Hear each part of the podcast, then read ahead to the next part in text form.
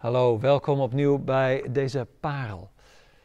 Ik wil het vandaag met jullie hebben over geschonden vertrouwen.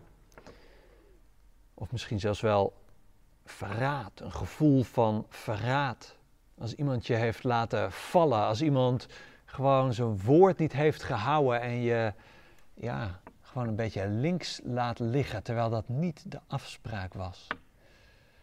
Geschonden vertrouwen, dat is eh, gewoon pijnlijk, maar het hoort ook bij het leven vaak, omdat we, ja, we gaan in allerlei relaties met elkaar om.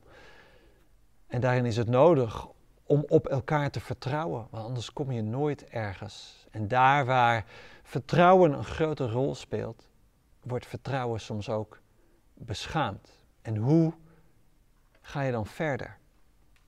Nou, we leren in de kerk natuurlijk van elkaar om te vergeven en dat is hartstikke goed.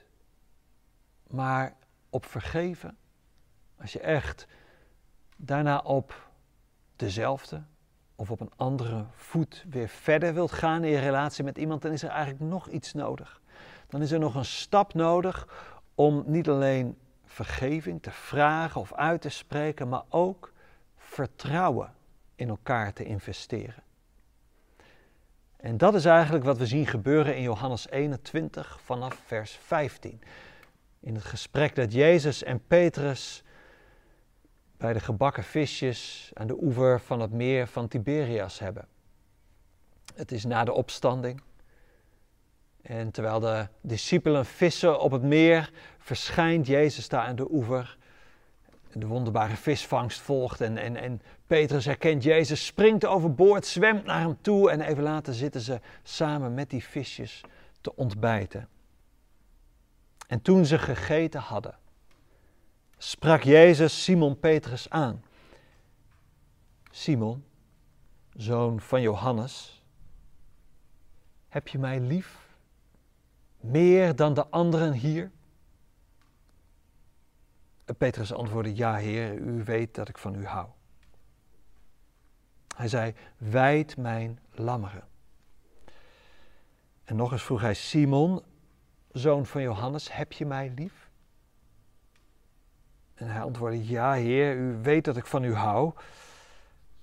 Jezus zei, hoed mijn schapen. En voor de derde maal vroeg hij hem, Simon, zoon van Johannes, hou je van me?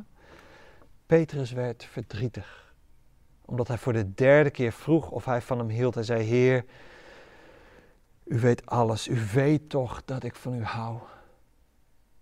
En Jezus zei, wijd mijn schapen. Drie keer dezelfde vraag, drie keer hetzelfde antwoord. Hou je van me? Ja, ik hou van u. Wijd mijn lammeren, hoed mijn schapen, wijd mijn schapen. Het gaat over vertrouwen, want Petrus had Jezus verraden.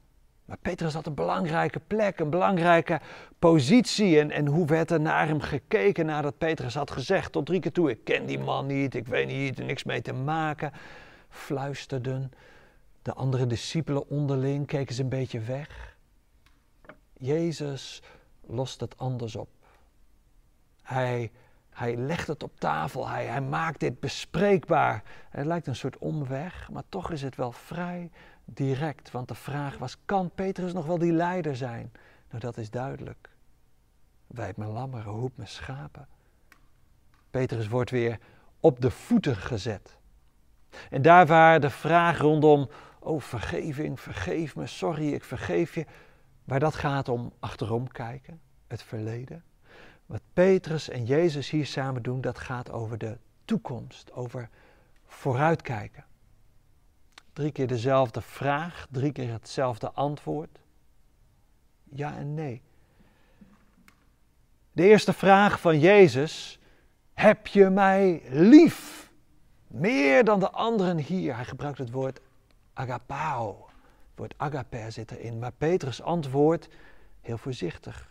Ja, u weet dat ik van u hou. Phileo, Griekse woord phileo. Zit een subtiel nuanceverschil tussen. En de derde keer dat Jezus vraagt: Hou je van me? Daalt hij het trappetje af. En vraagt hij niet meer agapao, maar phileo.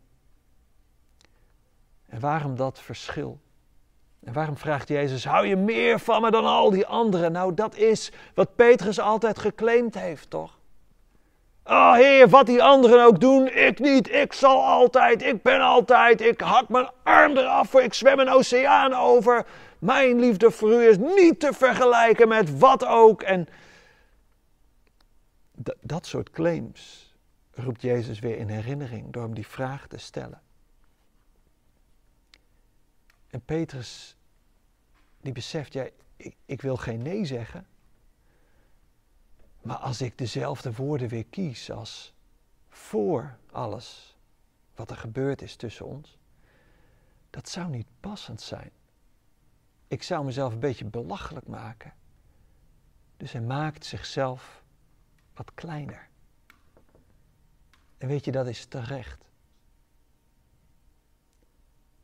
Want Petrus moet leren dat hij niet kan vertrouwen op zijn eigen grote woorden, maar dat de vraag: hou je van me? Dat dat een vertrouwensvraag is. Een vertrouwensvraag waarbij ook hoort dat je passend kunt nadenken over wie je zelf bent en wie je zelf was en wie je kunt zijn in relatie tot de ander. Petrus leert passend te spreken.